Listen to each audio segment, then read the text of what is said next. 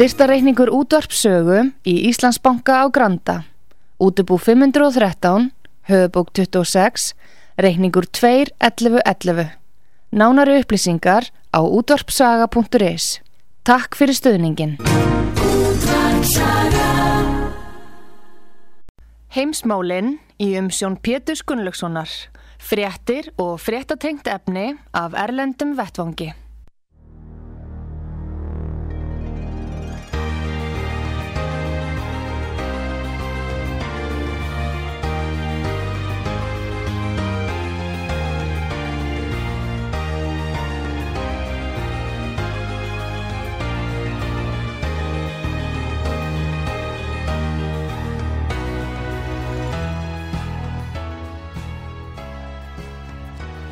Góðir uh, hlustendur fyrir að hlusta á útvarp sögu. Ég heiti Pétur Gunnlaugsson og ég ætla að ræða við hann Gustaf Skúlason, frettamann útvarp sögu í Svíþjóð. Sæl og blessaði Gustaf. Já, kontinum var blessaði Pétur og Gunnlaugsson og hlustendur útvarp sögu. Jæja Gustaf, nú uh, förum að ræðum um það sem er að gerast í Svíþjóð, Ríkistjórnarmyndun og Magdala Andersson... Uh, fórsýttisráðra að hún baðast lausnar fyrir sig og ríkistjórn sína. Það er í raun og veru tíðindi, heilmikil tíðindi, það ekki? Já, það er það. Þetta er eh, sem sagt uh, fulltrúi, sósjaldemokrata jafnamanna í síþjóð sem að er nú það er ekki hægt að telja sögu Svíðsjó að skrifa það undarfarna öll nema nefnaðan af sósjaldemokráta og jafnamanna því að því heldur hafi stjórnum 60-70% af tímanum eða jafnvel lengur og Já. Eh, þó það hafi gengið á ymsum núna síðustu árun en hún eftir, það voru gríðarlega spenna, það eru nefnilega talda tvísar sinnum kostningarna hérna úslitin. Það er fyrsti talið eftir að kjörstöðum er lokað, þá telja kjörstjórnir í sveitafélagunum, síðan er, og síðan og þá eru lögðu öll svona vafa atkvæði til hlýðar og fólk er að krossa kannski og vilja einhver, fá einhvern sérstakann, vel kjósa sérstakt fólk þá í eftir stöður. Og síðan er það endutalið og það var það og, og, og síðan atkvæðin sem að koma frá útlöndum og það var það sem að tafði að það væri hægt að segja neitt og enginn þorði að segja neitt fyrir eftir miðugdaskvöldið í síðustu viku og þá komu uh, umsagnina fram og það byrjaði náttúrulega með uh, ræðum Magdalena Anderssona þar sem hún kom og sagði af sér. Við erum með smá hljóput frá henni. Já, östu. við skulum heyra í Magdalena. Högerpartierna ser ut att ha fått knappt 50 procent av rösterna i valet och i riksdagen har de fått en eller två mandats övervikt. Det är en tunn majoritet, men det är en majoritet. Så imorgon kommer jag därför att begära mitt entledigande som statsminister och ansvaret för den fortsatta processen kommer nu gå över till talmannen och riksdagen. Och tills en ny regering har tillträtt så kommer jag leda en övergångsregering i enlighet med grundlagens bestämmelser. Ja, meiri hluti en eh, lítill eh, naumur meiri hluti en meiri hluti samt Já þeir eru með sko 100, hvað var það, 176 þingmenn og mútið 173 Já. En, en og eftir þetta þá byrjuðu náttúrulega formin flokkana að koma fram og tala og, og Jimmy Åkesson hann sagði það að núna hæfist vinna við það að gera síðu aftur á góðu landi og, og mjög borubrattur náttúrulega því að síðjóðdemokrater koma aðeins inn á þá eftir síðjóðdemokrater hafa stór auki fylgisitt allstaðar um alla síðjóð í næstu því öllum, öllum greinum og, og meðal annars hjá verkefliðsreifingunni en, en hann og svo kom Öl Kristisson náttúrulega og, og Jóhann Persson hjá umhverfis, nei hérna hjá frjálslendum og svo er Babús Tór og þau líst öll yfir og það hefur verið mikið álag frá, frá hérna blagamennunum hérna í, í Svíþjóð í Stokkólmi að reyna að veiða upp úr þeim núna fyrir helgina hvernig því þeir eru búin að vera á baku lasta dýr að reyna að tala sér saman fyrir stjórnamyndun og, og reyna að fá að veiða úr þeim en þeir hafa, hafa bara verið lokið á. En aftur á mótið þá kom í dag eh, sagt, talmaðurinn eða fórsetið þingsins Andreas Norlén.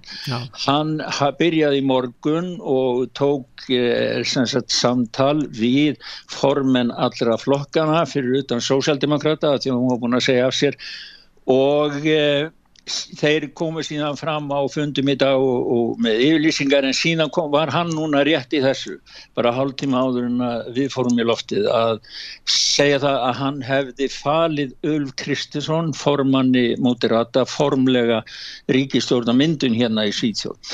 Við vorum með smá hljóput af Åkesson, Jimmy, bara aðeins til að heyra honum. En já, við skulum heyra það en Jimmy Åkesson, þetta er talsvert pólitíst afrek hjá honum að ná þessari stöðu sem hann er búin að gera við þær erfið aðstæði sem að flokkurinn hans Svíþjóðademokraternin hafa þurft að búa við. Er, þetta er sko, þetta er stór sigur þeir, þeir eru jökuvísið 3% þeir eru orðinni næstæsti flokku síður en þeir, sko, þeir hafa hreinsa sko, veldi sósjaldemokrata jafnamanna er að hrinja í grundvallar svæðum þeirra út á landi og einni í samtökum eins og alþjóðsambandi Svíþjóðar þar sem að, þar sem að yfir 27% meðlema verkefliðsfélagana kjósa Svíþjóðdemokrata. Þeir eru einni næst stæsti flokkurinn eh, í meðal innflytjenda henni Svíþjóð Já. sem að kjósa og þannig að það er sko, það er reypitóg á milli vinstri aflana í Svíþjóð sem að neyta vinna með Svíþjóðdemokratum og við komum inn á þá eftir því það er erfileika við þessar stjórnamöndur Það er reypitóa millir þessar afla sem að Svíþjóðdemokrata drotna yfir och allmänna kjósenda i Svíþjóð. Hlustum á Åkesson, Jimmy. Mm. Jag har träffat talmannen och eh, vi har eh, pratat om förutsättningarna för att komma framåt. Det jag har sagt är att förhandlingar eh, är inledda för ett, en ny regering, för ett maktskifte. Eh, min inställning är, och det gäller väl egentligen samtliga fyra partier som är inblandade i detta, att vi kommer inte att säga någonting förrän det finns någonting att säga eh, konkret. Just nu finns det inte det. Ja, och Jimmy bendir á að þjóðin samþykti valdarskipti. Já, og var, þetta var tekið sko áður en, áður en þetta var tekið núna fyrir helgi þetta viðtæli eða, eða um helgina sko, og þá vildi hann ekkert segja neitt sko, frá því hvað er var að ræða. En staðan er svo að Jimmy hefur sagt að síðódemokrata vilja fá ráð þeirra og vera með í ríkistórninni frálslíniti neitt og segja síðódemokrata er ekki að fá neina ráð þeirra og núna er Ulf Kristisson formað móti rata með samningsumbóðið að stopna ríkistórn og hann ætlar að reyna að stopna ríkistórn án þess að síðódemokrata fá að vera með í henni en hins vegar eiga þeirra stiðjana. Þannig að sko það er ennþá þessi draugur eins og ég var að reyna að lýsa þess á þann draugur sem að vinströflin halda í keflið að banna sko aðkomi kjósenda sem að vilja lifta upp afli sem að kjósendu trú á að geti breytt verulega. Þar sem aðalega voru, voru kostningamálun aðalega snýrist um glæpi og vanstjórn sam, í sambandi við það og inflýtingdamálun að það, það er reypitóð þarna á milli kjósenda og það er ég veit ekki hvernig sko hver útkoma verður úr hvað, þessu dæmi með Ulf Kristinsson og samlingana við þessa flokka hvort honum tekst þetta eða ekki. En Magdalena Andersson hún býður rólega því hún sagði það já ef hún er mistest þá eru við alltaf hér til staðar Það má telja þessa útilokun svíþjóðademokratana vera andlýðræðslegt viðhorf Já og, og það eru nú ekki allir sem tólka niðurstöðuna þannig Pétur.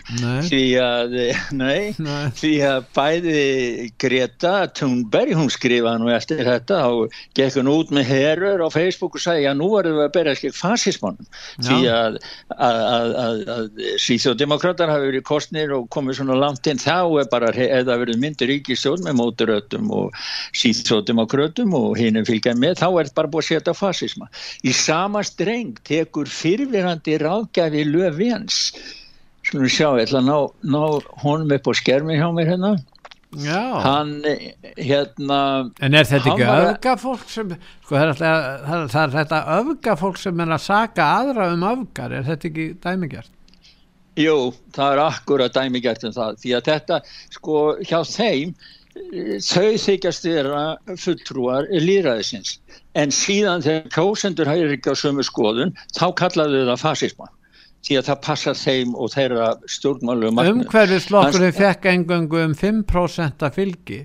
Eh, ég meina það, þeir fá ekki meira fylgi. Fengu tæplega 5% af fylgi umhverfislokkurinn ég meina það er flokkur Greti Thunberg Jú, jú, umhverfisflokkurinn og, og hérna og margir vilja nú hafa neitt sósældemokrati sem að vildi fá hana sko veit því sín skilurum því sósætdemokrata var nú að segja það hún hefði nátt að segja þetta fyrir kostningarnar en ekki koma svona eftir á. En eh, hann heitir Henrik Arnstad sem var meðal annars ráðgjafi Stefán Löfi hans fósættisráðara sem sérfræðingur í fasism og svíþjóðdemokrata eh, hann, eh, hann hérna skrifaði og var að, var að svara eila popsöngkonu sem að var að, var að fárast yfir því að það var í bók fjöðan yfir draumunum kvenkins fósættisráður í Svíþjóð og þá svaraði hann fæsli hennar og sagði það að það erðu sannilega engar fleiri líðræðislega kostningar í Svíþjóð í framtíðinni. Hún spurði hann þá að því hvað hann meinti með því og þá sagði hann þeir brún bláu munu eidilegja líðræðið, loka fjölmjölum sem gaggrina ríkistjórnina og eidilegja möguleikan á starfshæfum kostningum í framtíðinni. Fasism feminismi og þetta er akkurat nákvæmlega það sem að þú varst að segja þetta er þannig sem að þeir vinna sjálfur Já. og þeir eru með þetta fyrir framann augunum á sér og svo mm. klína er því og líma er það eitthvað yfir á aðra. Já, þeir eru í raunum verið þetta er svona tilfærsla, þetta er verið að færa e, öfgasjóna með þessar aðila yfir á anstæðingin til þess að útmála já, hann og sverta hann. Já, svartmála hann sko, já, já. einmitt. En þetta, Nei, virðist, að... þetta er líka gert hér heima, sko, það er alveg, þetta er ekki bara bundið við svíð. Ja. Nei, þetta er gert út um allan hinn vestranna heim Já. og þetta hefur aukist uh, uh, gríðarlega bara núna á síðasta ári, bara sí, síðasta tíman og þetta kemur í sko kjölfar í sko hana nétrisa sem er í handum ekki líraðislega kjörna hérna ennbætismanna mm. þetta kemur sko í líka kjölfar allra þeirra átakar sem við sjáum og áforma til dæmis eins og við höfum rætt mikið um á sögu að, að útrýma bændastjættinni eða já. sko það er í gangi aðgerðir í heiminum í dag sem að þetta passar alveg inn í sko. sem er styrta fólki sem enginn kaus Akkurat, eins og til dæmis von der Leyen og hún hjá Hver, hver kaus Úrsulu von der Leyen? Já, Engin. og hver kaus hann og hvernig getur hún staðið og það er verið að vitna í hana sem fulltrúa fyrir liðræði þegar hún þykist verið að verjast fyrir liðræðin Nú ræðist á Viktor Orban eh, sem er kosið með miklum yfirbyrðum í ungveri landu og er að gera það sem ungverska þjóðin áskar eftir. En, en þá er hún sem er ekki líðræðslega kjörin að saka aðra um ólíðræðslega viðhótt, þetta er svolítið sérkjörnulega Já og hver, hver, hver, hverjum er hún skuldbundin Uh, sagt, sinni sannfæringu? Já. hún hefur enga kjósendur það hefur engi kjósendur og hún hefur ekkit bakland. Hennar bakland er allt annað heldur en liðræði eða þjóðurnar sem að mynda þá Európisambandi í gegnum þetta samstarf sem er kallað Európisambandi En í sambandi Nei, við Svíðsjóð þá var nú einn formaður að segja af sér, það er ekki bara Magdalena Andersson heldur líka Anni Löf þarna formað miðflokksins. Hún ekki, hefur ekki verið gæfurík í, í sinni pólitík núna síðustu missur. Nei, miðflokkurinn hérna tapaði og e, það var 2% miða við 2018 Já. og það hefur leitt til harða gaggríni, hún, ég held hún sem búin að vera formaður í 11 ár en málið er, ég var nú að lesa sem ég fannst nokkuð gott, það var mynd af stóri hlöðu hjá bonda sem hafi sett upp risastór skildi kjósum svíþjóðdemokratana og þá við, hefur viðtal við bændur og aðra hvernig stendur á því að þeirri fara að það að kjósa svíþjóðdemokratana en þá bara segir hann það er, er afstæðan svo að hún hefur breytt grundvelli miðflokksins frá því að vera bændaflokkur yfir það að vera eitthvað allt allt annan að vinna fyrir ön, aðra hagsmunni heldur en fyrir hagsmunni bændan og hún satt skilu við þá og þess vegna er það ósku beðilegt að hún verði að segja líka skilu við flokkin því að Já. það eru greinlega öflinn af flokkin sem að vilja þetta ekki. En það líka vekur aðtekli að það er verið að mæla sko fylgi Svíþjóðademokratana bæði hjá fyrstu kynsloði innflytjanda og líka hjá ungu fólki, fólki sem að ungmennum sem eru kannski bara í mentarskóla og aðrir og það virðist Já. vera ansi miklu, miklu meiri hlutvallega stuðningur við Svíþjóðademokratana en útkoma þeirra var í þessum kostingum. Þannig að þeir eiga kannski, já, talsverða framtíðar uh, möguleika möguleiki í framtíðinni þessi Svíþjóðademokratar og Jimmy Åkesson Já, mannstu að við rættum það síðast einmitt að sko það er verið að segja það að unga fólki þetta sé allt saman svona umhverfis og, og, og, og eldi lofslagsmálin og allt já, þetta. já. en það kemur bara í ljós, það er skoðanakönnun hérna meðal unglinga í skólum, ég þekki það ekki alveg hvernig hún fer nákvæmlega fram í skýrst þetta sé eitthvað samstagsverkefni Erasmus og eitthvað svona en það er allavega könnun. Mm. og það er bæði í mentaskólum og það er í, í ás, sagt, sjönda til nýjönda bekk. En það kemur út hérna í Svíþjóð að, að þar er, varu mótirætandi með 27 og Svíþjóðdemokrata með 21, tæplega 21% og sósjaldemokrata komið þriðjir og svo voru með 16% og svo voru kristimokrata með 10% þannig að það var 60% af þeim sem tóku þátt í þessum konunum og kursu eins og þeir væri að kjósa í, í þingkostningunum að þeir hefðu kosið, þeir kursu hægri. Og ef þeir hefðu haft kostningar þá hefðu þeir sem kosið hægri. Þannig ef eitthvað er þá er það, það er hægri bylgja hjá unga fólkin í dag. Já. Já, það er náttúrulega þeirra framtíð, er það ekki? Hmm.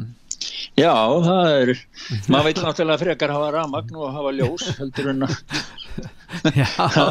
En, en það er svo margt líka merkilegt í sambandi við þetta að, að það var hérna flokkur sem fekk nú enga menn kjörna en eh, Íslamista flokkur, nýjans eh, sem að fekk talsvært fylgi í þjættbílinu eða fylgi ákvöndu svæðum sem innflytjendur eru fjölmennir en uh, þannig að í framtíðinni mun þessi íslamista flokkur taka fylgi frá, já til dæmis við, frá sósjaldemokrátum, maður ekki búast við því Já og þeir gerðu það núna sko því að ég held að þeir eru fengið millir 30 og 40 stað hvaði en ef að sko og, þar, og þá voru ég sömum til dæmis í Ringiby henni hérna í Stokkólmi sem að sósaldemokrata voru gríðarlega sterkir á þeir, þeir mistu mikið fylgið þar ja. á öllum viðkvæmu svæðunum, það er að segja þessum útsettu glæpasvæðum ja. sem að lauruglan hefur talið upp, þar er, eru síðodemokratarónir næstæsti flokkurinn ja. og sósaldemokrata þeir hafa tapa fylgið þar og ég sá einhver staðar eh, að það var verið að tala um það sko ef að sósjaldemokratinu hefur fengið haldið 24.000 atkvæmi viðbútt þá hefur kannski náð tveimu þingmannum og fengið eins þingsmanna meirinluta en þetta var svo nýjönd sko. En, en maður sér það á þessu sko nýjans er hreinræktaður bóstastrúar fundamentalistiskur íslamskur flokkur Já. sem að vil hafa innleiða sjarjalög og, og byggir á þeim eh, sagt, eh, stöðum hérna í Svíþjóð það sem hefur grafið um sig það sem við kallum hliðarsamfélug það sem að menn, menn leysa málinn sjálfur hafa eigin lög en vilja ekki fylgja eftir sænsku lögum eða aðlaga sig að sænsku samfélagi. Og, og hérna þannig að þetta er nýtt nýtt eh, dæmi hérna í Svítsjóð, þeir náðu ekki neinu þannig verulegu fylgja þeir kemurst á þing en Nei. þeir eru samt farnir að reiknast í einhverjum eitthvaru prósendutölu og, og ef að þetta heldur áfram það, það er ekki góð þróun skiljur því það mun bytna ekki bara á sósaldemokratum í framtíðinu heldur um að bytna á öllum flokkum hérna, öllum líðræðisflokkum ef þeir verða sterkir þessi, þessi ræðilar en Þú talar um að þetta sé ekki góð þróun þarna var einn uh, fjölmjölamæður Ívar Arpi að, með hugleiðingar sem eru með á, á vefsíðun okkar út á saga.is hvernig endur við hér? Hugveikjum ástandið í Svíþjóð, hann er með það Já, það er, hann er mikil þáttakandi í umræðinu, þetta er, er bladamæður, hann hefur skrifað leiðarabæði í Sænska Dagblæði, Sænska Dagblæði og Jötborgsposten, hann hefur gefið út bækur, eh, að minnst okkursti tvær bækur, einn ein um, eh, svo, einn sem ég þýtti þannig verður við öll að rasistum, svo blev ég alla rasister og kynjakenningin skrifaði, en það er genustóttrínin kallast það á sænsku og hann sendi frá sér fullt af podcastin sem heit ég þýtti það yfir sem kaftsök frá hægri og um 65 stykki sem hann er búin núna. En hann skrifaði mjög góða grein á kjördægin sem að mér fannst að þýtti og líka fekk kvartningu til að, að setja inn á heimasíðuna frá aðlum á, á, á Facebook sem langaði til að sjá þetta á íslensku. Og e, þar fyrir hann bara í stuttum áli tekur fyrir aðalatri, hann, hann vildi skipta um stjórn því að hann segir sko, hann skilur það ekki hvernig gáttu við bara hver græður á því að gera lífið okkar verra held, hér og nú heldur en það þarf að vera og hvernig ósköpunum endur við á þessum stað sem við erum núna. Já. og hann tekur upp eh, sem sagt þessi mörg þessi klassísku mála sem við höfum verið að ræða. Ég, ég eh, og tekur líka fyrir umhverfismálinn því að núna brenna er, er keitt hérna í síðsjóð rafstöð sem brennir 70.000 lítrum á ólju á klukkustund. Já, já. þannig að já, e, sem átt að nota sem algjörlega síðasta vara en er keirði núna á fullu vegna það er ekki tjónlega orka hérna. Og að því að búið að loka kjarnaflugferðum og Þannig ég hvet alla og það er smá myndbútu líka sem að hann gerði sem er með aðeins frá eh, óerðunum hérna í sumar held ég og síðan með falluðu lægi Lykklega gatan sem er nú mjög þekkt sænsk lag hafum ekki sama, gatan okkar. Það sem allir búa í fríði en eins og myndin endar og lægin endar, þetta er mjög stutt mynd sko, þá fer nú fallega gatan alveg bara niður og verður bara já, ég veit ekki hvað ormar að finna fyrir hana. En hann spyr hvað, hvernig ástandið er hugveggjum ástandi í Svíþjóð en þá vaknar líka spurningin um það þegar hann er að ræða um Svíþjóð hvernig stendur á því að löglukonu er bannað að gaggrína íslamsku hriðjöverkarsamtökin ISIS á Facebook Já, þetta er nú, þetta er svolítið aðtílisvert dæmi. Því að, því að hérna, sko hún var greinlega, vinnu greinlega, vann greinlega í fangelsi. Já og hún skrifur að ræða þessi mál ja. á, á Facebook síðan og var að gaggrina þetta en þá kom fangelsistjórnin og gaggrindi hann og saði henni að, að loka Facebook síðan eða bara hætta að tala um þetta og loka Facebook síðan ja. og tilkynnti henni að hún væri með öfga fulla skoðanir henni, hún var nú ekki sáttuð það að, að fangelsistjórnin aðtunureikandin hennar mm. væri að skipta sér að því sem að hún væri að að skrifa hennar persónlega skoðun. Þannig að hún fór og talaði við umbósmann stónsmóla Justície ombudsmannin heitir það á sænsku hérna í Svíþjóð og e, kærið þetta mál til hans. Og hann tók þetta fyrir og tekur afstöðu með henni og gaggrínir hardulega fangilisustöfnuna og hann segir það því hann minnir á það að hann segir öllum með tryggt tjáningar frelsi og mega frjálst tjá, hugsanir, skoðanir og tilfinningar svo framalega sem það er ekki takmarka með lögum í tilteknum tilgangi. Og svo talar hann um það að þetta eigi ekki bara við um uh, uppsagni, flutning, siftingu, vinniskeld og aga við, viður lög heldur einni við um minni áþrjámanleg yngripp uh, þar sem að maður er í raun og veru að takmarka réttindi starfsmanna eins og þeir voru að gera þarna með því að segja henni að hún ætti, ætti, ætti ekki að vera með að tala um þetta á Facebook. Hún hætti að vinna og hún sæði upp vinnunni því að það var búið að gefa henni svona undir róstölbun og hótum að henni er sagt upp og framfylgda sig ekki sko. En það eru engin lagafyrirmæli sem banna gaggrina riðjuverkarsamtök. Nei og það er mér sem að vera að tala um það sko það að banna meðlumum að, að, að, tala vel um hriðverkarsamtöku eða reyka áraðu fyrir því að menn gangi hriðverkarsamtöku hvað þá að maður gangi hriðverkarsamtöku eða hvað þá að hriðverkarsamtöku séu til staðar sko. Það ætti að í raun og vera að banna þetta. En sko þegar að fólk fyrir að gaglina hriðverkarsamtök og fyrir að, fyrir að berjast gegn því þá eru það náttúrulega ákveðinir öfgar. Menn verða að beita ofbeldi til að berjast við ofbeldistefnu. Það eru þetta vandamáli sem kemur upp og þá er spurningin hvernig ná að taka á hriðverkarsamtökum því að þetta eru samtök sem að koma sér fyrir innan þjóðríkjana og líka á alþjóðlegum vettvangi og það er svo erfitt að eiga við þetta því þetta eru skærulega samtök þetta er fólk sem að, sem að á engan sérstakann stað eða sem að hægt er að ráða stað og taka þá og útrýma þessari starfsemi. Því þeir dreifa sér út um allt Já og ég menna við höfum, sko það er alvarlegt ástand þó það hefur verið ráðin niðurlögum íslamska kalifatsins þarna í Sýrland og þeim slóðum að, að þá hafa þeir dreft sér út um alla Evrópu og öll þessi mörg þessara hriðverka ef ekki flest öll er gerð undir formerkjum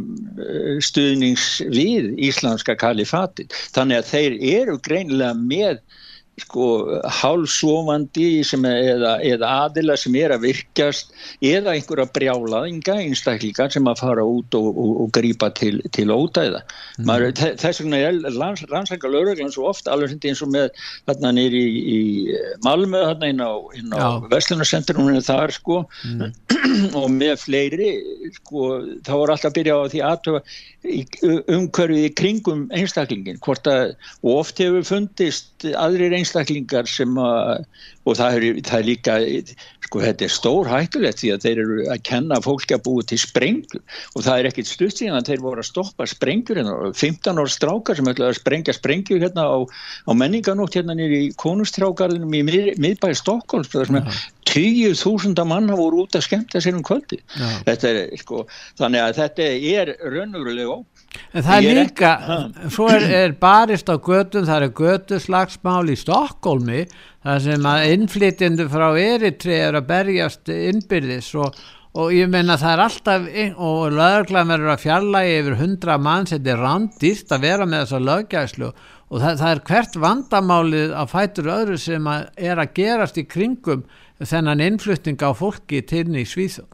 Þetta, ég, bara, ég tók þetta með bara sem eitt dæmi svo að, að, að fólk á Íslandi gæti skilið sko, hvernig vandamál lítur út. Það var, það var sko ég er í triðu er, er, eru deilunum það hvort að stjórnið þar sé líðræðisleg eða einræðisleg og uh, nú voru þeir sem stiða ríkistofna þeir legðu ofinbært húsnaði hérna, þetta er bara í næsta hverfið við mig, Já. í húsby hérna, í norðu Stokkólmi og, og þá voru þeir sem eru inflýtendur frá Eritröðu sem eru á móti stjórninu í Eritröðu þá þýrtust þeirra að og ætluðu að meina hinnum að, að halda uh, sinn fund. Og lauruglan var að skerist í leikin, það var það fjarlæga 105 manns, það var eitthvað 6 eða 10 handteknir.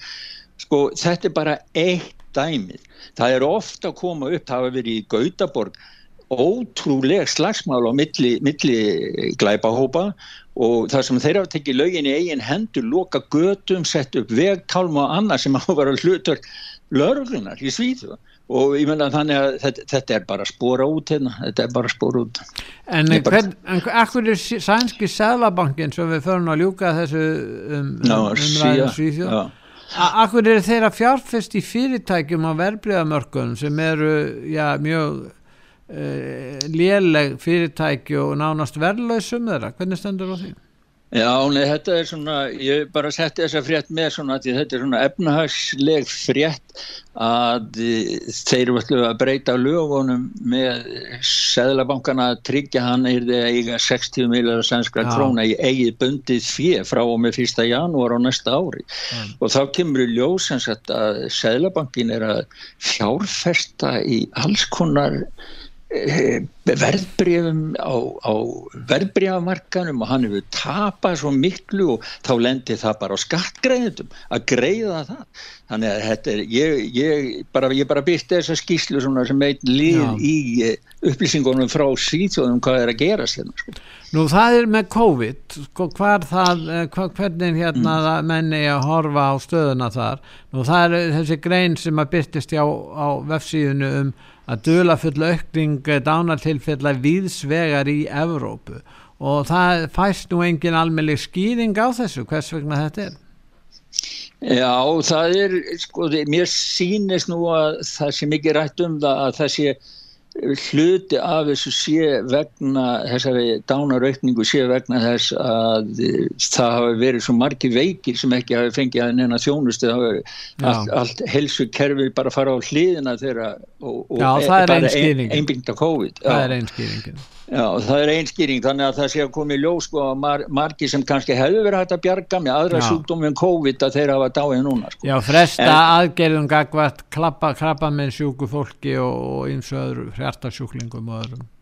Já, það var smá hérna sannska, sko, sannska líðhelsan, þeir eru voðalega, þeir eru farin að vera svona svolítið hyggslandi að, að segja, koma með upplýsinga því að það hefur verið sko nýju að tíu hverjum eh, COVID veikum eru, eru bólusettir sko þannig að þeir eru farnir að fela, fela tölunar í svona Excel-skjölum en byrta síðan óbærbæra yfirlýsinga þar sem þetta er svolítið svona þvegið sko. mm. þannig að ég seti eitt svolítið stæmið þarna einn sko.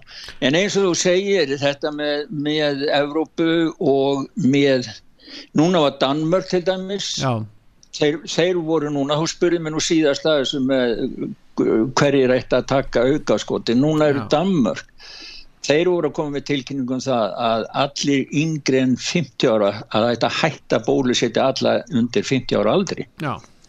nema þeir séu eitthvað alveg sérstaklega það séu eitthvað sérstak, þá er það bara eitthvað sérstak og undantekning, en reglan hjá sem þeir eru með núna það er það að það ekki að bólusetja neitt undir 50 ára aldri Nei, en það er önnu regla hér hér á Íslandi. Hvernig er reglan í Svíþjóð? Er, er verið að bólusetja? Nei, alla? þeir er alltaf að fara að bólusetja núna, held ég, fjólu, fjólu bólusettinga herrferðina, en þeir bara ná ekkit, sko, fólki er farið að gera uppreist jæglans, því að tölurna minka alltaf, það er alltaf færri og færri sem þeir ná inn til að bólusetja sig við hverja Já. nýja sprauti sem þeir koma með. Já, en síðan er í Kanada sett fram mjög rótæk stefnum það að að eh, íbúar Kanada þurfa að taka COVID-örfunarspröytu þriðja hvert mánuð. Já, það er að vera skilda, hvað heldur? Já, það er Trudeau. Já, hann hóttar með nýjum lókunum sko, ef þið takk ekki örfunarspröytunar og það er einhver líkar en hann sé bara, bara útsendari frá Livja Rísson því að hann er bara í því að bara koma spröytum á, á fólki sko. Og við skulum sjá eða eh, vannkúi stittra tímabil. Þeir voru, voru fyrst að tala um nýju mánuðis og sex mánuðir eru konum þetta núna nýri þrjá mánuð að það verið, getur verið réttlætilegt vegna aukinar faralshættu og varðandi skilvirka framkvæmt COVID-19 bólusetningar áætlunarinnar sem þeir eru með þannig að það eru uppfæri bólusetning og við verðum aldrei að fulli bólusetning COVID-19 Er, er það þá fjórða, fymta, sjött og sjönda spröytan er, er það það sem hann er að tala um? Þá verði alltaf nýjar eða, eða er það bara gamla spröytan bara ja, hvernig, hvernig er þetta að hugsa þarna í Kanada? Já, hann segir það sko að uh, Trudeau ef alltaf 8-10 til 90% af kanadumannum verða uppfærðir, þar að segja verða bara spröytar og þryggja mánuða fresti, uh, þá munum við sagt, ekki þurfa að vera með jafnmikla takmarkanir og, og, og, og lokanir, þú veist eins og var í byrjun sko. Nei, ég menna það er greinlegt að viðhorf yfirvalda, kanadískra yfirvalda þeir hafna greinilega alveg þeirri læknisfræðilegu skýringu að líka minn sjálfur það er það sem að Danirni nota að líka minn sjálfur ef maður hefur veikst í COVID þá framleiði líka líka minn sjálfur ónæmi gegn COVID eða, eða vörð gegn COVID og sumi telja að svo verð sem miklu betri heldur en til dæmis það sem þið kalla bólefni eða það sem er spröytæman en það er nú annar mál. En, en það er eitt stjórnmálumæður í bandaríkjónum hann að DeSantis sem er ríkistjóri í Flórida fylki. Hann sem verður sennilega ekkert ólíklega að hann verði fósittaframbjóðandi republikani ef að Trump verður það ekki þá verður hann sennilega fósittaframbjóðandi þeirra. 2024 Já, þetta er og hann er mjög hérna afgerandi afstöðu sinni og hann gaggrínir valdhafana og stjórn ráðamenn hvernig þeir stóðu og komið fram í þessu COVID-máli og talar um að, að Flórida hafi nú eh, bjargað bandaríkjónum frá COVID-harstjórn í raun og veru. Já, hann, hann var nýlega með ræðu á, á ég held að vera á þjóðþingi í Ersmanna og, eh, og hann, hann rætti þar sko anstöðuna í málum sem að þeir höfðu farið er að fara alveg eigin leið í Flórida gagvart COVID og er til dæmis ekki verið að koma á jafnmiklu lókunum, ekki verið að koma á grímuskildu, ekki verið að þvinga með þvingandi bólusetningar Skólanir opnir, er það ekki? Jú, jú, skólanir opnir sko Já. og hann, við skulum hlusta á smá hlusta hvað það sant þið segir þessi Oh. now trying to rewrite history, acting like they wanted kids in school all along, and we shouldn't let them get away with that. But we should also point out not only were they wrong about schools, the elites were wrong about lockdowns, they were wrong about epidemiological models and the hospitalization models. They were wrong about forced masking. They were wrong when they rejected the existence of natural immunity. They were wrong about the efficacy of the mRNA vaccines. So, in almost every major significant issue, these elites who would show up on cable news or be wherever, you know, they were wrong and they got it wrong time and time again. Já, hann er að benda á það að þeir sem á stjórnuðu COVID-málunum hafðu ránt fyrir sér í, í mörgum og helstu málum þarna, hann rækti það. Já, hann, þetta er, sko, það er gríðalikt í bandaríkjanum, það er, við förum betur inn að það síðar í þættunum, en, en það er, sko, það er bara stál í stál í bandaríkjanum, það er, það er verið, ég get ekki nota önnur orði yfir það, það eru svo harðar mótsetningar, republikanar og, og demokrater eru bara í stríði, innbyrju stríði hennar. En við skulum hlýða núna, Gustaf, á auðlýsingar. Já. og þeir að hlusta á útvart sögu, þetta eru heimsmálinn ég heiti Pétur Gunnlaugsson og ég er að ræða við Gustaf Skúlason okkar mann í Svíþjóð, en við hlýðum núna á auðlisingar og komum svo aftur eftir auðlisingar Heimsmálinn í umsjón Pétur Gunnlaugssonar. Fréttir og fréttatengt efni af Erlendum Vettvangi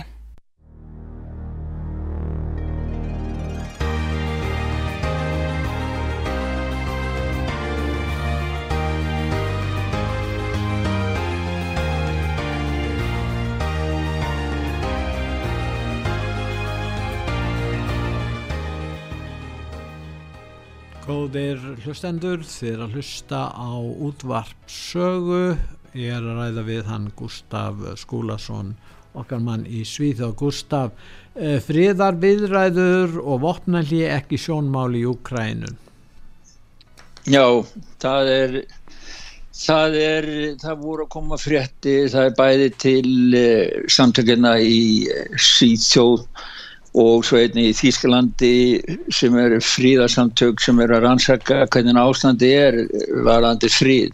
Já. og það kemur nú í ljós að það er fríðurinn er á hverfandi kveli því að flesta ríkistjórnir í vestrannum heiminum þær tala um að auka herútgjöld, að byggja upp her, þær senda vopn og kaupa vopn til Úgrænu og strísins Rúsland og e, það í fyrra árið 2021 þá var eitt e, samtals í heiminum til hernamála útgjálta ég, sko, ég veit ekki ég verða að byggja að hjálpa mig um að tólka þessa tölu. Það eru 27.000 biljónir íslenskara króna. Já. það er að segja 27 tu, tu, nei, fyrirgeðu 273.000 biljónir íslenska krónar. Það er að segja 273 miljardir miljarda íslenska króna ég,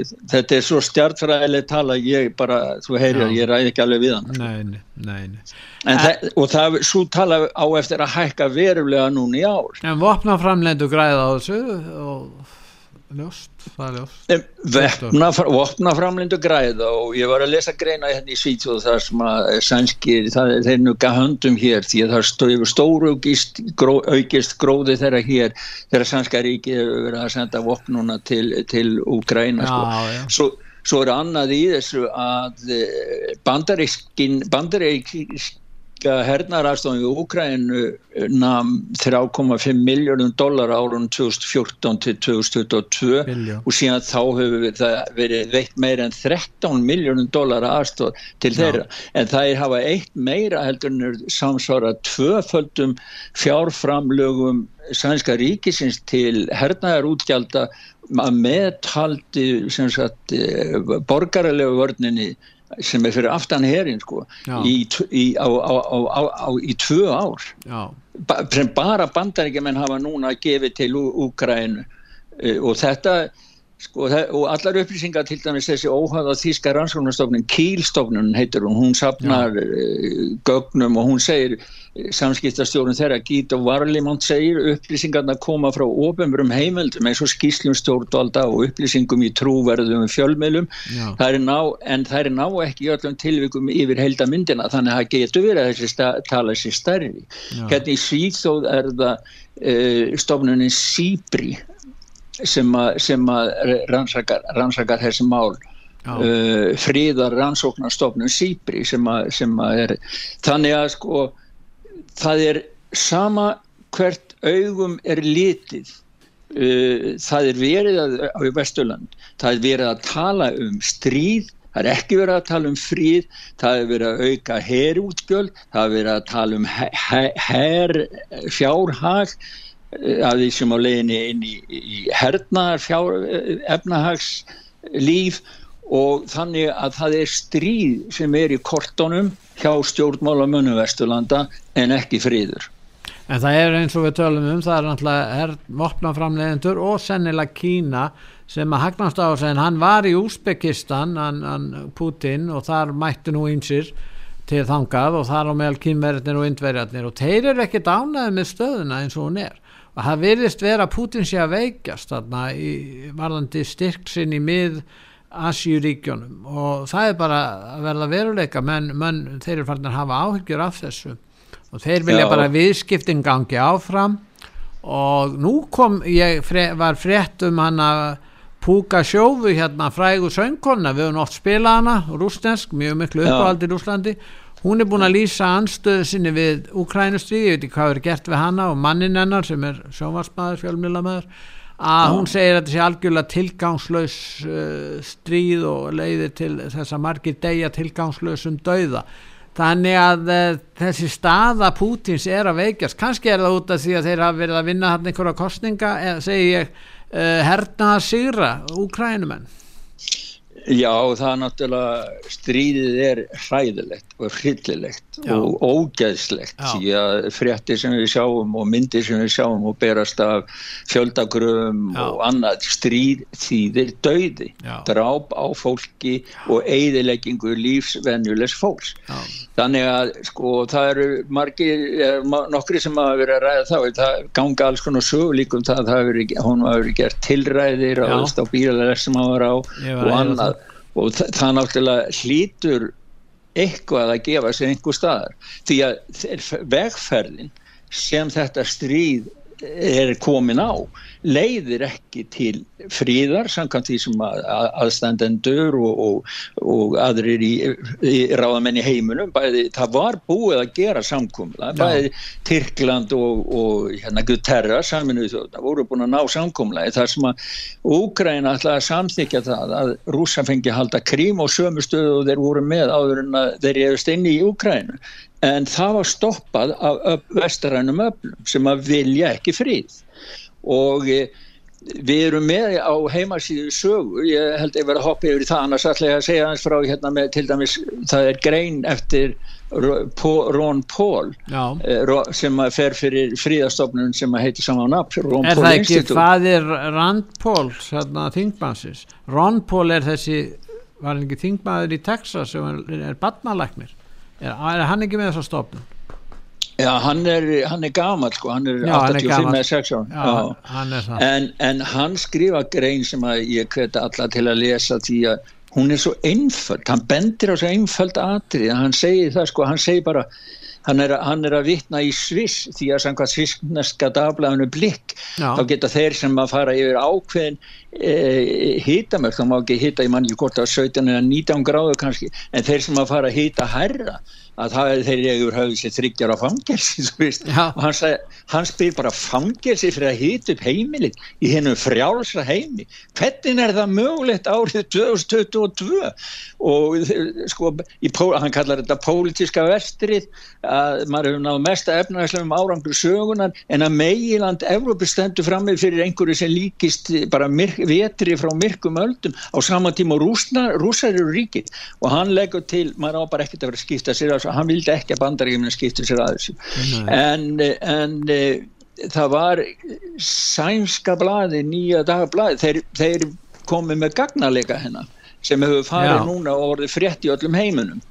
Og e, það það sem að þeir náðu komist yfir innra skjál frá Rand Corporation hugveitinu sem að hefur nú aðstóða bandaríska ríkistjórnir í mörg ár og aðalega þá þekkt fyrir á tímavili kaldast þrísins. En fyrir ekki að ég töfliði, við höfum tölað með Ron Paul, já. hann skýrði svonsinn Rand Paul í höfuð á Ayn Rand og Rand Corporation er þarna lithauðundin og, og hérna rúsneski sem að gerist bandaríkjamaður og, og er einhver frægasta frálsíku frægasti frálsíku postuli sögunar og, og Rand Corporation er náttúrulega þetta var byggt á hérna framlægi hennar hennar hérna lærisvein á sínu tíma Já, kannski það er svona sem það heitir rand sko. Já, það heitir rand, þess vegna er ég að tala um það sko Nei, nei ég er ekki sko. rannsaka málið þannig að ég nei. sko viti það skilur en, en það sem ég veit það er að þessi sænski mill, þeir náttúrulega byrti, þeir byrtu þetta þessi gögn sem við byrtum að heima síðan út af sögu, Já. þessi skjöl sem þeir komast yfir sem þeir segja sínra maður getur náttúrulega alveg leikið með það þetta sé bara að, að rússar hafi plantirað þessu út uh, til þess að skapa óhróður og áróður og allt það. En, og Rand Corporation kom með yfirlýsingu daginn eftir og sagði að þetta væri bara falsfrétt og ekkert að marka þetta búið. En dagblæði henni Svíþjóð, þeir, þeir standa á sér og, og eru ekkert að draga þetta tilbaka sinna en að falsfrétt. Og þessi frétt er búin að fara út um allan heim, þeir eru með hérna hjá sér hérna Uh, við skulum sjá, erum við á heimasíðu sinni ég er núna inn á henni. Þeir eru að segja að hún hefur meðal farið til Spána, Portugal Östuríki, Belgíu, Brasilu, Paraguay Þískland, Tjekkalands, Pólans, Norris Finnlands, eh, Hollands, Rúslands Úgrænu, Bandaríkjana, Ungurlands Kúpu, Slóki, Srílanka, Fraklands og Kína og, og svo Íslands sem ekki talið með. En, en eh, þeir standa sig á þessu og það, núna var Kalli Bild fyrirvæðandi utanriksráður síðjóður, hann var að koma og mótmæla þessu en uh, þeir byrtu greinu um það. Karl Bild, hann hefur starfar með Rand Corporation og er búin að gera mörg ár. Já, já, já. Hann vinnur með þeim búin að vinna í fleiri ár með þeirra evrópsku deild í Evrópu, það eru myndir af honum með þeim þar, ég kannski skrifa eitthvað um þetta og, og, og, og setja inn á heima síðan þannig að sko þeir, rökin sem að sænskaplæði hefur er að Rand Corporation hefur ekkert komið með neitt málefnalegt sem að getur útskýrta að það sem að stendur í þessu, í þessum, uh, í þessu skjali sé rangt. En í þessu skjali sem að ásangant blæðinu og, og sangant skjalinu sjálfu hafa verið byrkt 25. janúar, þar segja tölvört árunum rúsa fóru inn í, í Úgrænu, þá segir að þetta sé aðferð bandaríkjamanna, þeir vilji koma á, þeir vilja aðskilja samstarf þjóðverða við rússa og þeir vilja veikja þjóðverja og veikja rúsa og, og þeir, það er dregin upp í, mynd í þessu skali af þróuninni sem er akkurat svo þróun sem við sjáum núna með orkukreppu og þeir tala um að notfara sér e, nýtsama kjána í, í græningjaflokkonum mm. sem að munu verða nokkur skona stríðsflokkar í, í orkumálunum og þeir tala um það að, að efnarskerfi Þýskalandsmunu næstu því hrinja og þeir eru ekkert óhressið með það því að þeir, markmiði hjá þeim er það þá að bandarækjaman losni við samkeppnisaðila og bandarækjaman munu græða sem mótsara alltaf 79 biljónum dólarar sko. eða, eða, já, eða með sko biljónum á íslensku dólarar Já, triljóna Já, já, já. En, en sko það sem er að gerast er líka núna og að eitt ríki í Evrópu sem hefur risið upp gegn stefnu Evrópusambansins í mörgum málum að sumuleiti líka í þessu Úkrænumáli en, en þeir eru taldir ólýsa, það er að segja Ungveriland og Viktor mm. Orbán er með meira fylgi bakvið sig í sínu þjóðríki heldur en aðrir leðtóar, stjórnbónuleðtóar í Evrópu og hann gaggrinir græningina sem þú varst að minnast á og hvernig reyndir að leysa orkukreppuna. Nú ungverðir eru líka að, hérna, að takmarka heimildi til fóstureyðinga þannig að þeir fara alltaf að leiðir heldur en Evrópusambandi við. Nú má kannski Já. búast við því að, að, að Evrópusambandi hérna reki ungverðarland úr Evrópusambandinu, gæti komið að því þeir voru nú að samþykja áleiktun núna á, á försudaginn, síðustu vik á þinginu Já. þar sem að þeir voru einmitt að, að, að tilkynna það að sko þeir eru að leggja það til að framkvæmdastjórnin beini til ráðherraráðsins að það verði afnumdar eh, löglegar greiðslur frá Europasambandinu til aðeldaríkisins Ungverjalands sem Ungverjaland á rétt á. En það er vegna þess að Ungverjaland eh, sé ekki löglýðið og fylgi ekki líðræðisríki lengur. Og það, þá kemur maður aftur upp með þessa spurningu, hver er Úrsula von der Leyen? Eh, hver er hún að tala um það að, að það sé sagt, eh, eitthvað ríki sem sé ólýðræðislegt þegar hún sjálf hefur enga skuldbindninga gagvart neinum kjósenda við erum með smá hljópútafinni þar sem hún er einmitt að ræða um þetta strísástand og en þá nú meira um Úkrænu kannski Ef við ekki að heyra, ef við skulum heyri henni Much oh. is at stake, not just for Ukraine, but for all of Europe and the world at large. And we will be tested tested by those who want to exploit any kind of division between us. And this is not only a war unleashed by Russia against Ukraine. This is also a war on our energy. It's a war on our economy. It's a war on our values. It is a war on our future. It is about autocracy against democracy. And I stand here with a conviction that with the necessary courage and with the necessary solidarity, Putin will fail and Ukraine and Europe will prevail.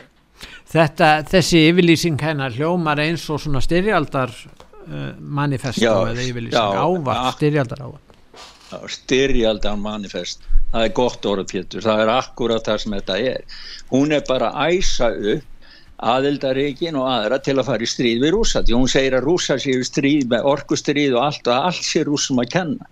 Og hver er hún að sko ráðast á sko ungverjaland? Þeir segja, þeir kaupa orku af, af Rúslandi þeir, og þeir eru, er, er ekkert að taka fylla landi af, af inflytjandum eins og við erum að gera hérna í Svíþjóð, Þískalandi, Fraklandi og öðrum Evrópsambarsíkjum og þeir segja að, að sko ef að, ef að Vesturlöndin fylgja stefnu Ungverðarlands þá væri við ekkert stöndi í þessu kreppin og hann er núna að blása sjálfu til eh, svona baráttu gegn grænu bóstaðsrúamönnunum segir, segir Orban, Viktor Orban, fórsættisráður Ungverðarlands, vegna þess að þeir þessi þeim að kenna hvernig komið fyrir Evrópa eða ekki nægilega orku.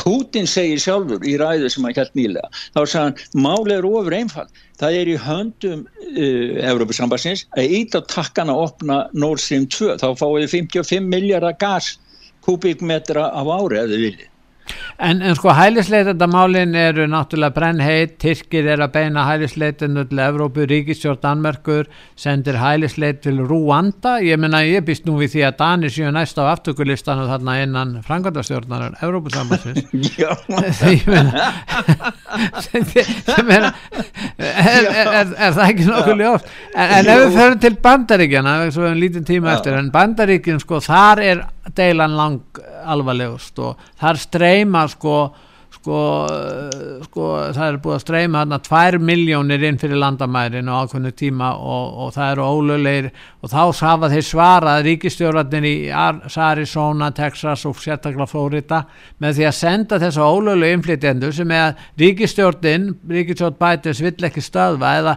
eða gerir afskraflega lítið í að þeir senda þá til stórborga þar sem að demokrata ráða alveg svo Washington DC eða, eða New York eða Chicago og þeir eru svo ósáttir við og ég skilða ekki og ég vil heim til Kamilu Harris. En ég er svo hissa því ég, mér finnst þetta gífileg hræstning því ég held að þessi demokrater fagni fjölbreytileikanum og vilji fá fólki til sín. Eða er þetta rætt hjá mér? Nei, nei, nei, nei, nei, þetta er sko alveg laugrætt lýsing sko. því að, því að hérna, þeir segja sjálfur demokraten en þeir, ég held hvað hva nota er sanctuary þeir nota eitthvað enn Sanctuary City er að segja borgir þar sem eru með fríðhelgi ríkir gagvart hælisleit Akkurat og tala um það þeir séu svo góðu við alla hælisleitendur ólöglega og aðra löglega og ólöglega. Gjörðsvöld komi hinga við veitum eitthvað gríðastar Já, Sanctuary Já, DeSantis, hann sendi 50 ólöglega inflytjendur í flugvel til eigunar Marta Vanjart þar sem að elitan og demokrataflokknum og svona eins og Kennedy familjan og Obama og þetta fólk er. Já já þetta er, þetta er sumaparadís já algjörlega. Það var bara allt brjálaðar því að þeir sögðu bara það er, það er ekki til að mikið húsnæði fyrir þetta fólk og við getum bara ekki tekið, það er ekki til eini peninga fyrir að taka Þeir höfðu samband við herin til að rekka þessa 50 burtu, Já, herin Herin var sendur til að sækja þessa 50 flótamenn og flýta til meginlandsins og setja það inn í herbúðir. Já. En svo var einhver sem var aðtöð það, jú, til nóga húsnaði, það var yfir 50 húsnaði auglist á Airbnb, flottar villur, flott hús og annarskilur. Nei, þetta er Þetta svona er þetta. þetta þessi gríðastæðu það er greinlega ekki verið hjá þeim, þá bara verið hjá hínum, skilur. Já, næ, sjá hræsnina, ég menna, þannig eru lítil e, þorp sem eru kannski 30 manna eiga þarna, Marta, hérna, Wynjard, en, en, en það eru lítil, e, lítil svona e, sveitafélag í Texas og, og hérna í Arizona, þar koma sko mörg hundru, mörg þúsund manns á hverjum degi. Já, inn á, inn, á, inn á Texas sko, þetta, þetta er hræðileg sko, hann, þú veist, þetta er, ég meina, svona er þetta, það er stál í stál, demokrata bara ljúa, þeir segja já, við ætlum nú ekki, en, en, en svo bara er allt galopið, þú veist, þeir, þeir bara ljúa og ljúa allan tíman sko. Já, við, við, nú, við ætlum að spila hérna lag og eftir líka hérna með, með Biden, nú þurfum við endla að fara að tala um fórsetan sjálfan, Biden, en við, við þurfum að ef við ekki að hlusta, hann er að tala um svonsinn Hunter Biden.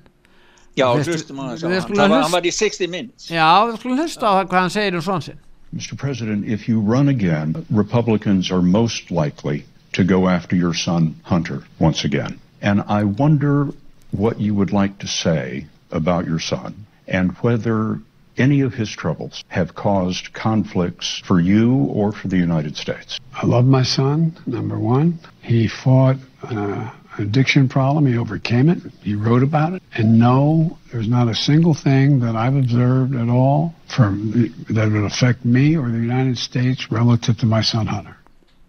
Já, hann segir að Hunter hafi ekki neins slæðum áhrif en, en sko málið er það eins og hann laði fram spurninguna þessi, þessi fréttamaður sem er örgla jákvæðir í garð fósittans vandamálið er ekki Hunter, Hunter er bara milliliður, málið er að, að þeir vildu ná, ná í Hunter til þess að hann hefði áhrif á, og þeir fengið aðganga Joe Biden þegar hann var varafósiti Alveg. það er um það sem er stóra fengið. málið í þessu sko. Já og margir telja þeirra að fengið það sérstaklega í sambandi í Kína og svo líka Úgrænu sko. viðskipta menn Hunters viðkenna það Biden, Hunter Biden. Já, þeir segja að hann hafi fengið 10% af, af hagnaðanum the big man eins og the big man, já, já, já the big man sko. Já, já E Nei en svo er sko það sem er að skilja bandregjum það er alveg skelvilegt sko ég menna það, það er að vera komið upp núna og miklu umræðunum það að Facebook var bara, er, var bara nota til njóstna af FBI þeir liti á njóstna um anstæðinga demokrata, republikan og aðra og svo sendu þeir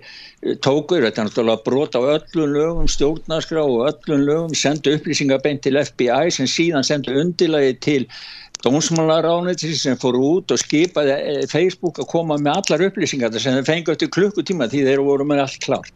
Til þess hafi verið að búa til og reyna að finna hriðverkamenn hjá makarhefingunni sem á að hafa hvað eh, til uppreysnar og að eiðalega bandaríkin sjötta með ára sem á þinghúsi sjötta janúar. Ah. En sem eins og venjulegt er, þeir hafa ekki komið fundið neitt. Þeir hafa bara, þeir hafa verið að, að, að FBI hefur byrst á heimilum saklus fólk sem var ekki einu sem var staðnum sko. Þetta, þannig að þeir kom ekki, komast ekki upp með neitt. Og þeir, þeir hafa ekki geta fundið úti á Facebook að það hafa verið nein, neinar umræður um neitt og vopnaði eða ofbeldi. Þetta hafa mest, mestalagi verið fólk sem er að vera skoðanir sínar og er að gaggrina ríkstjórnina En ekki að hlusta núna í lokin á lag með Biden Bandaríkafósita Jó, ég held að við ah. hendum bara á þessu með En ekki að kalla lægið, hvað er ég að gera hér? Ég menna Já, hlustum á það Pétur. Hlustum á, þakka þér fyrir Gustaf Já, þakka þér fyrir Bless.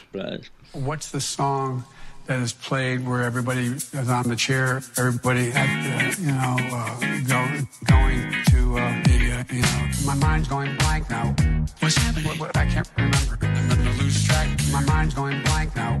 What are you talking about? What the hell's going on here? Where the hell are we? My mind's going blank now. I can't remember. I don't know what the hell he's talking about. What am I doing here? My mind's going blank now.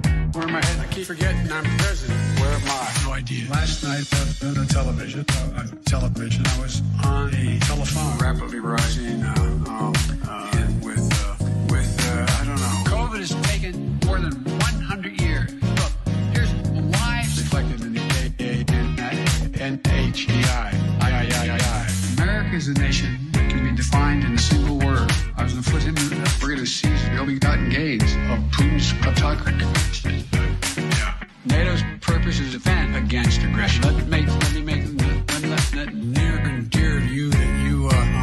Be able to. Anyway, I'm my mind's going blank now. What's happening? What, what, I can't remember.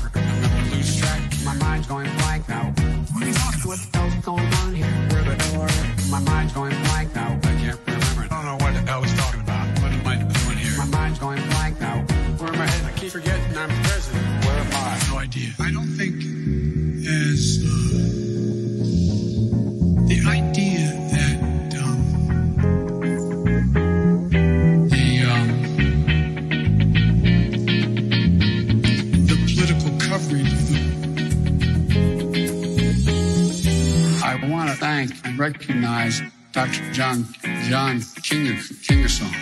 King Gut song. I can't get this to focus at all. My mind's going blank now.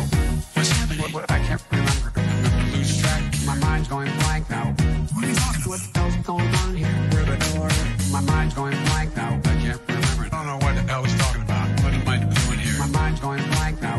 Where am I headed? I keep forgetting I'm president. Where am I? No idea. No idea.